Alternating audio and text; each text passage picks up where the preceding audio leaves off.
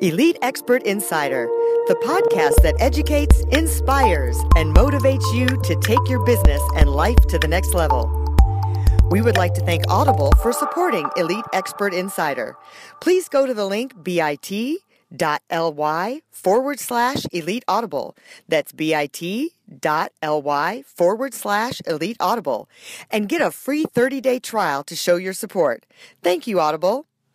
Now to Elite Expert Insider for conversations with industry leaders. Hey, welcome. This is Melanie Johnson along with Jen Foster, and welcome to our podcast. We want to remind you to like and share it, uh, tell your friends about it. We bring you excellent content. You learn and grow every time you join us. Um, we also want to tell you we're brought to you by Elite Online um, Publishing.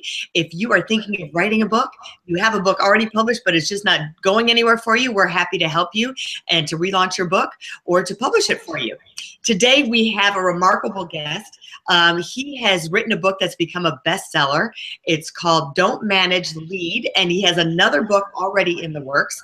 He has started one comp- company, uh, which he sold, and now he has another company that he started, uh, KomBea, and he's going to tell us about that as well. He's kind of a serial entrepreneur, um, man about town, I would call him. He's a well traveled man, and uh, uh, he has excellent books. So we are going to dive right into it. We have Art Coombs with us today. Art, how are you doing? And thanks for being here. I'm doing great. How are you? We're doing awesome. This Jen, say hi to everybody. Hello. so, Art, tell us a little bit uh, about your journey from starting companies and then writing a book and how those two tied in and how you were inspired to start companies and then also write a book. Oh, golly. Um, how did I get, how did I start starting companies? I guess the first influence I had was my father. Uh, who was an entrepreneur. And I think, like most children, you just watch your father go off to work and they do what they do. Uh, and it wasn't until I was in my uh, mid 20s that I truly understood what my father did. And uh, that had an influence on me. Um, the first company I started was a colossal failure in most people's eyes. I considered it a wild success because I learned tons of lessons.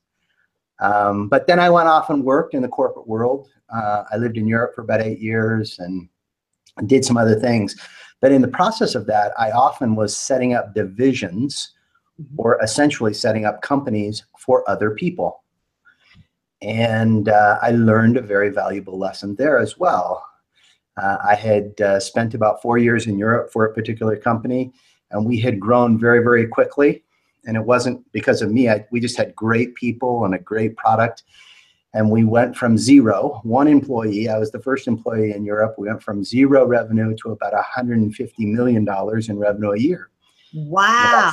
About, about 6,000 employees, and this company went through an IPO.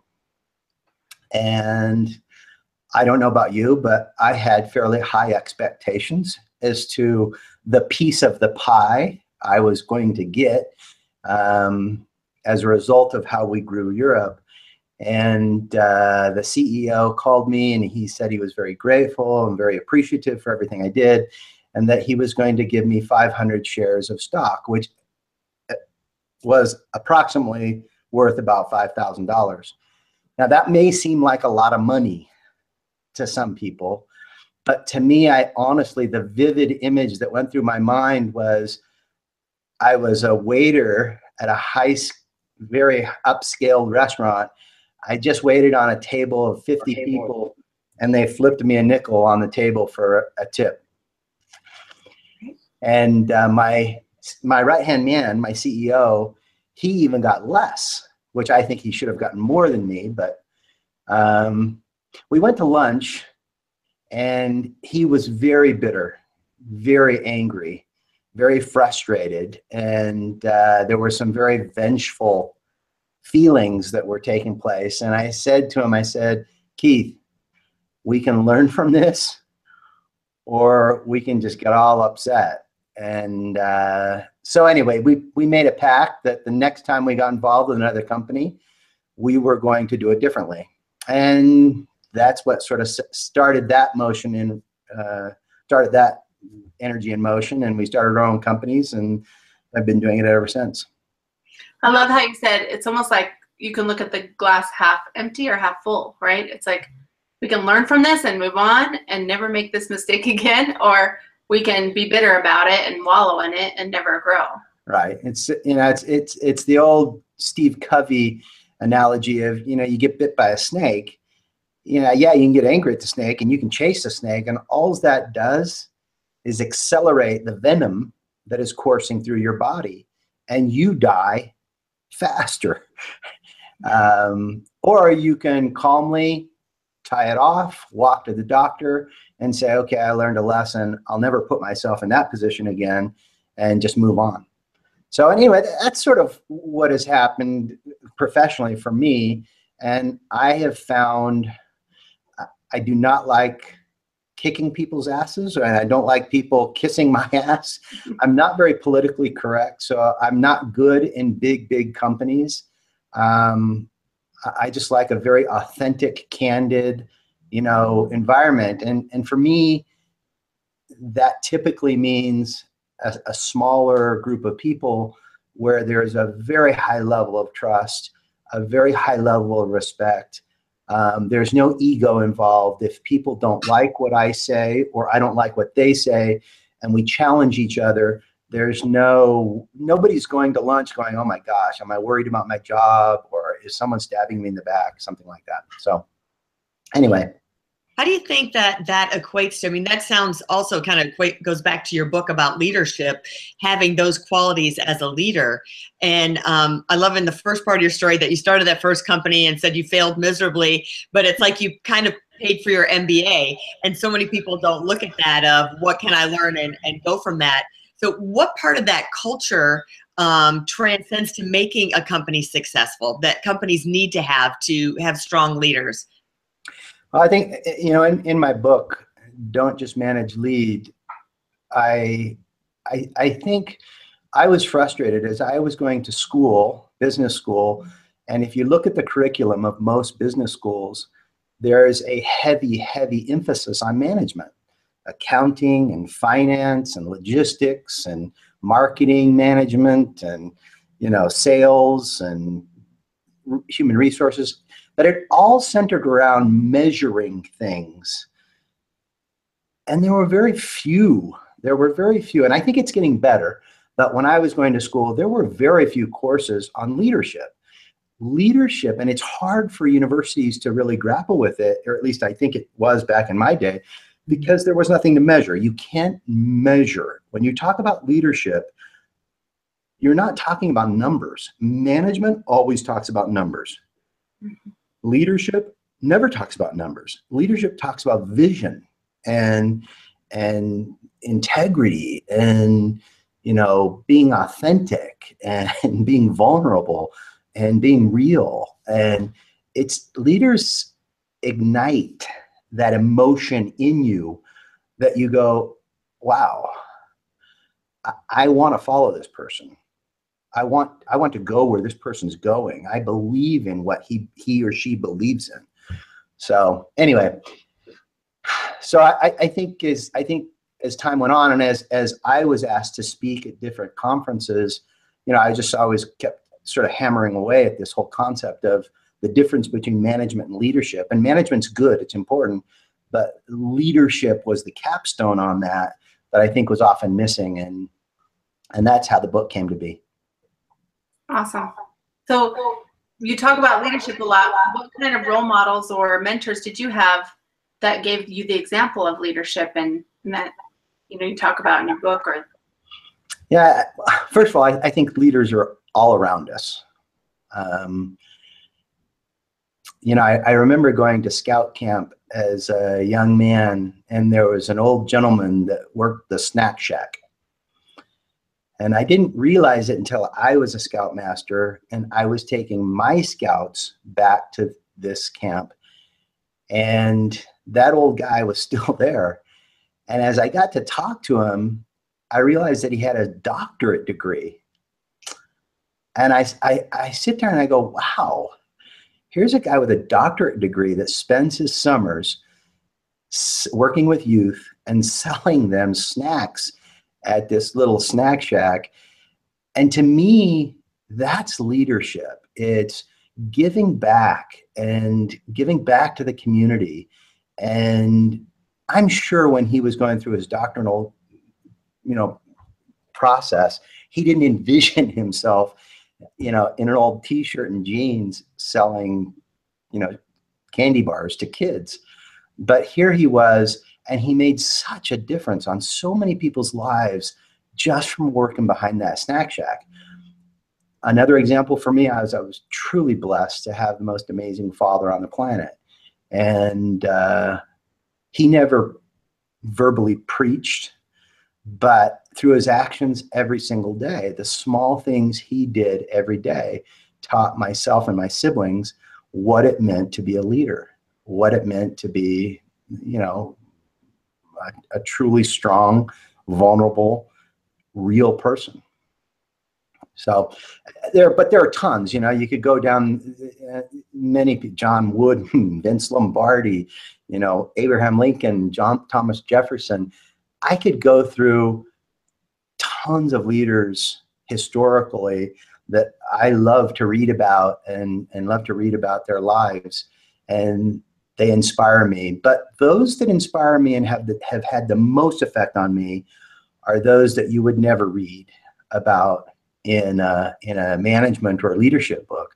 They're, they're those who touch me personally and very emotionally. So, what would you say? A lot of our listeners are uh, business people or small to medium sized businesses and their parents. Um, so, kind of some of the strategies overlap, but what are some of the key strategies someone should do in a small business to make sure they're being a good leader and to implement that. And then on the other side of the coin is how do you become a great leader of your family? So many times I used to push off any material on leadership. Oh, I don't need that. I, you know, I'm not running a big company. I don't need to be the leader. And it didn't take, it took me like just so recent years that I went, oh my gosh, I'm leading my family. I've got to lead my kids. And um, the light bulbs went off, and then I wanted to absorb everything on leadership. So, right. that twofold strategies for business owners um, as well as for leading your family?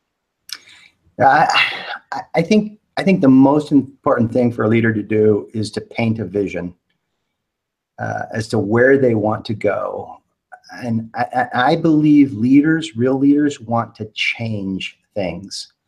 If, if you look at most political events, people gravitate to those political leaders who are out there saying, I'm going to change things. The leader who says, hey, here I come, we're going to maintain status quo, you know, they'll lose every time. Leaders have this in sort of this in, instinct to change things. So if you're going to be a leader, never be satisfied with the status quo. Always challenge it, always push yourself always think about how can I do this better, bigger, cheaper, smaller, whatever it is my customers want. I've got to figure out a way to truly exceed their expectations.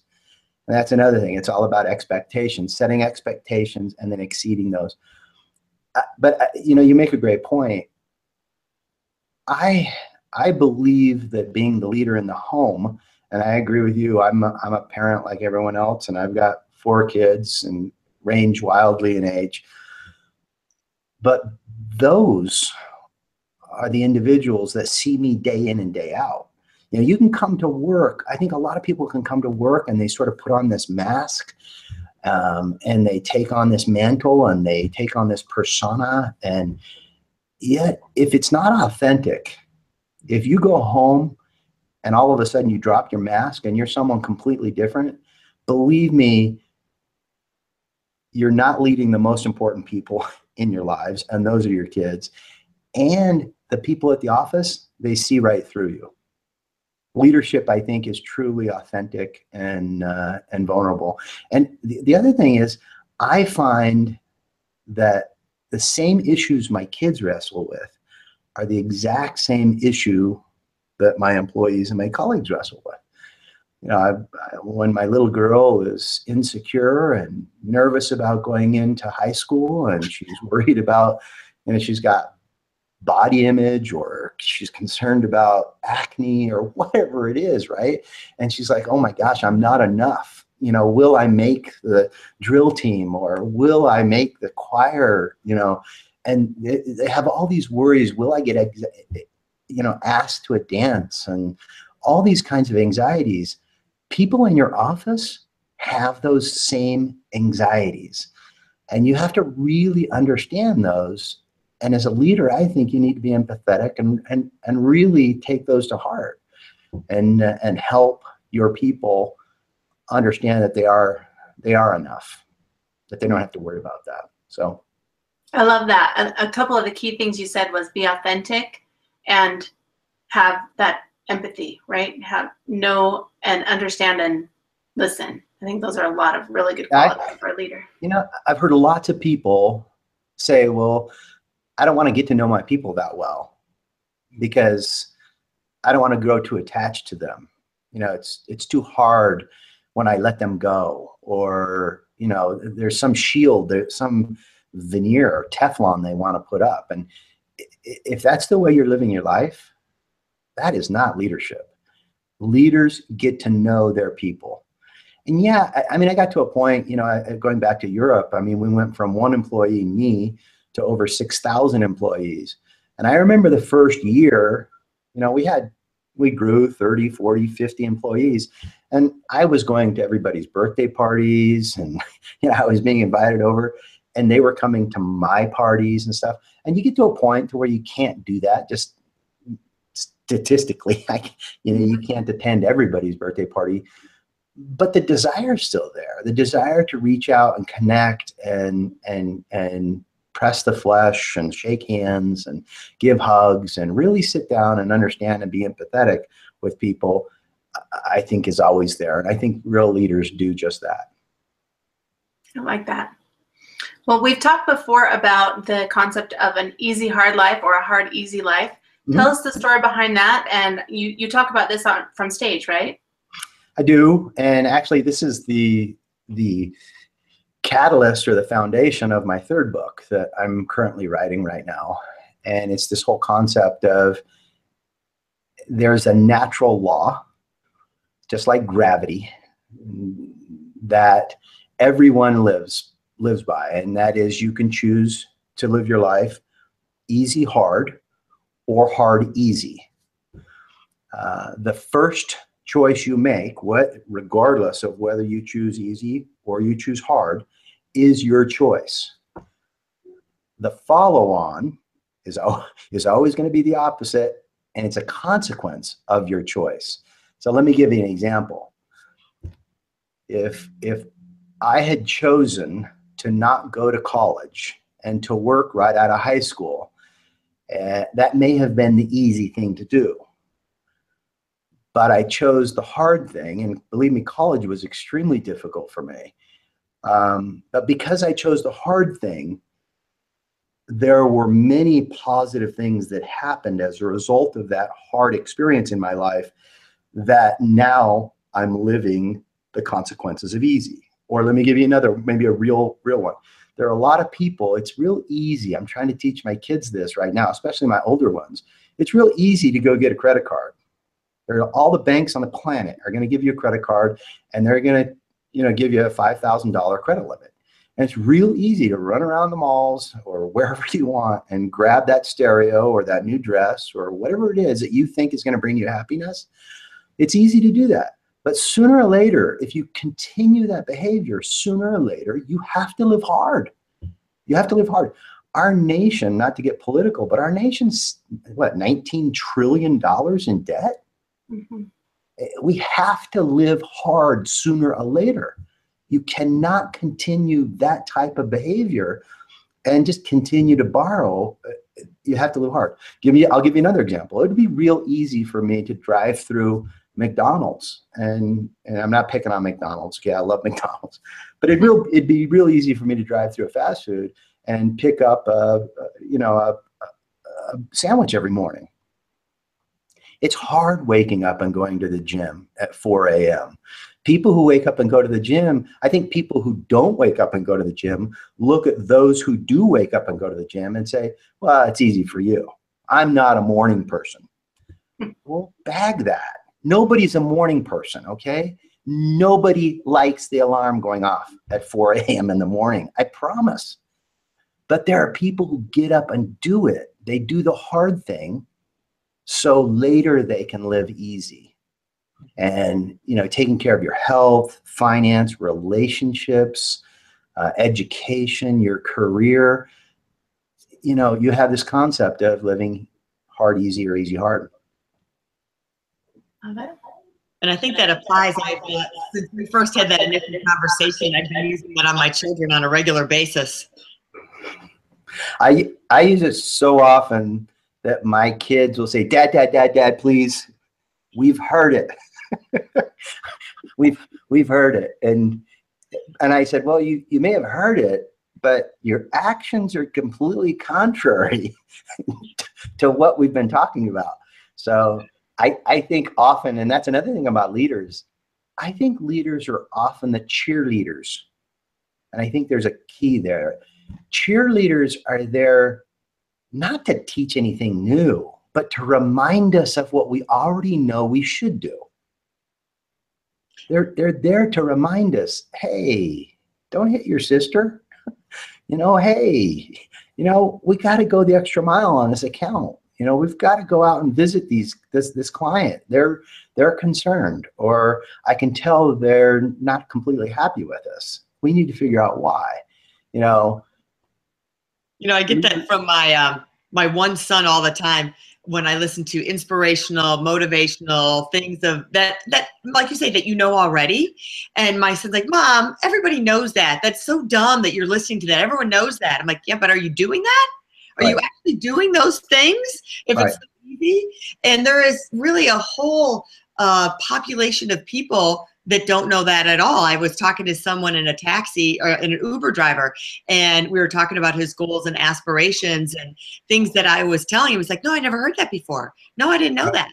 You know. Uh, yeah. Again, it's you know you know the whole easy hard hard easy thing. It's it's it's a concept I think it's very natural to people. But again, I you know I'm on this the first time I heard it, I was on this cattle drive. My horse wanted to, I wanted to cross this river at a certain spot. My horse didn't want to. My horse wanted to go upstream. And I kept thinking, no, that's terrible up there. It's worse up there. You want to cross here. And my horse and I were having this argument. And finally, I was getting frustrated. So finally, I was like, okay, whatever. You want to cross up there? I'll let you cross up there. And just this old cowboy friend of mine, he was sitting there right on his horse, a big bay he calls General, right around the pine, and he'd been watching this whole situation. And right as I was about to give in to my horse, he yelled out at me. He said, Coombs, you can live easy hard or you can live hard easy. It's your choice. And I had never heard that. And I was like, what are you talking about, Gordon? And he said, It's the easy thing right now to give into your horse. And yes, you can cross a stream and you can catch up with the rest of us. Or you can go back and cross that stream where you want to cross the stream. And it might take you a half an hour, it might take you four hours. I don't know. But if you give into your horse now, you will be fighting this battle for as long as you ride that horse mm-hmm. because the horse will always want to cross where he wants to cross, not where you want to cross. And I see this, I mean, we see it in supermarkets, we see it all over the place. We see it in parenting all the time, and I fall victim to it as well, right? Everyone has had that kid in the supermarket. I want candy. I want candy. I want candy. Please give me candy. I want candy. I want candy. Give me candy. And they start into this meltdown. And how many parents go, okay, okay, fine, shh, pick one. You know, mm-hmm. you can live easy hard or you can live hard easy. If you give in to that candy bar, you will be buying candy bars for the rest of your life. And that behavior will spiral into other aspects of their lives. Right. You, you can't do that. You just can't do that. And all the other parents around, we understand. Mm-hmm. We're silently going, don't give in, don't give in, don't give in, please. So, anyway. That's great advice. So you speak all over the world. Tell us where someone can get in touch with you um, if they want you to speak at their group. Um, I have a website, www, all one word, art, A-R-T, Coombs, C-O-O-M-B-S dot com. You can reach me there. Um, and that's probably the best place. My my uh, second book is going to be coming out in probably this summer, and my third book I hope will be out probably in uh, January, February of of next year. You're on fire, publishing fire. I love it. So, and show us again. Hold up your uh, the book that you have right now, currently on Amazon. Oh, can you see it? Yep. And we're going to brag a little bit. He just recently became a number one best-selling author, um, and Elite Online Publishing helped him accomplish that. So we're real proud of him. You guys are great. And we will um, put the link up for his book so you can get his book and also the website so you can uh, book Art to be a speaker. He's a fantastic speaker. He speaks to high level groups all over the world. Um, so don't and be shy if too far away. He'll be there. Yeah, you can also find him on Facebook, Arthur Coombs. It's author Arthur Coombs. Try and say that fast 10 times. and then also on, on his website, you can check out his blog. He has a great blog and post to that. And I, I love reading that. It's good, really good content. So you guys are awesome. Thanks, Art. We enjoyed having you. So, um, if you like this podcast, podcast, please share it and um, like it and leave us a comment. We would love to hear from you as well. And if you have a book inside of you, please contact us at eliteonlinepublishing.com, and we would love to help you publish it and make you a number one best-selling author. See you next time. Take care. For more information about us, go to eliteonlinepublishing.com. To get your free book, The Accomplishment and Success Story Starter, simply text your name and email to 832 572 5285. That's 832 572 5285. We'd also like to thank Audible for supporting Elite Expert Insider. To get your free 30 day trial, please go to bit.ly forward slash elite audible. That's bit.ly forward slash elite audible and get your free 30 day trial to show your support. Thank you, Audible.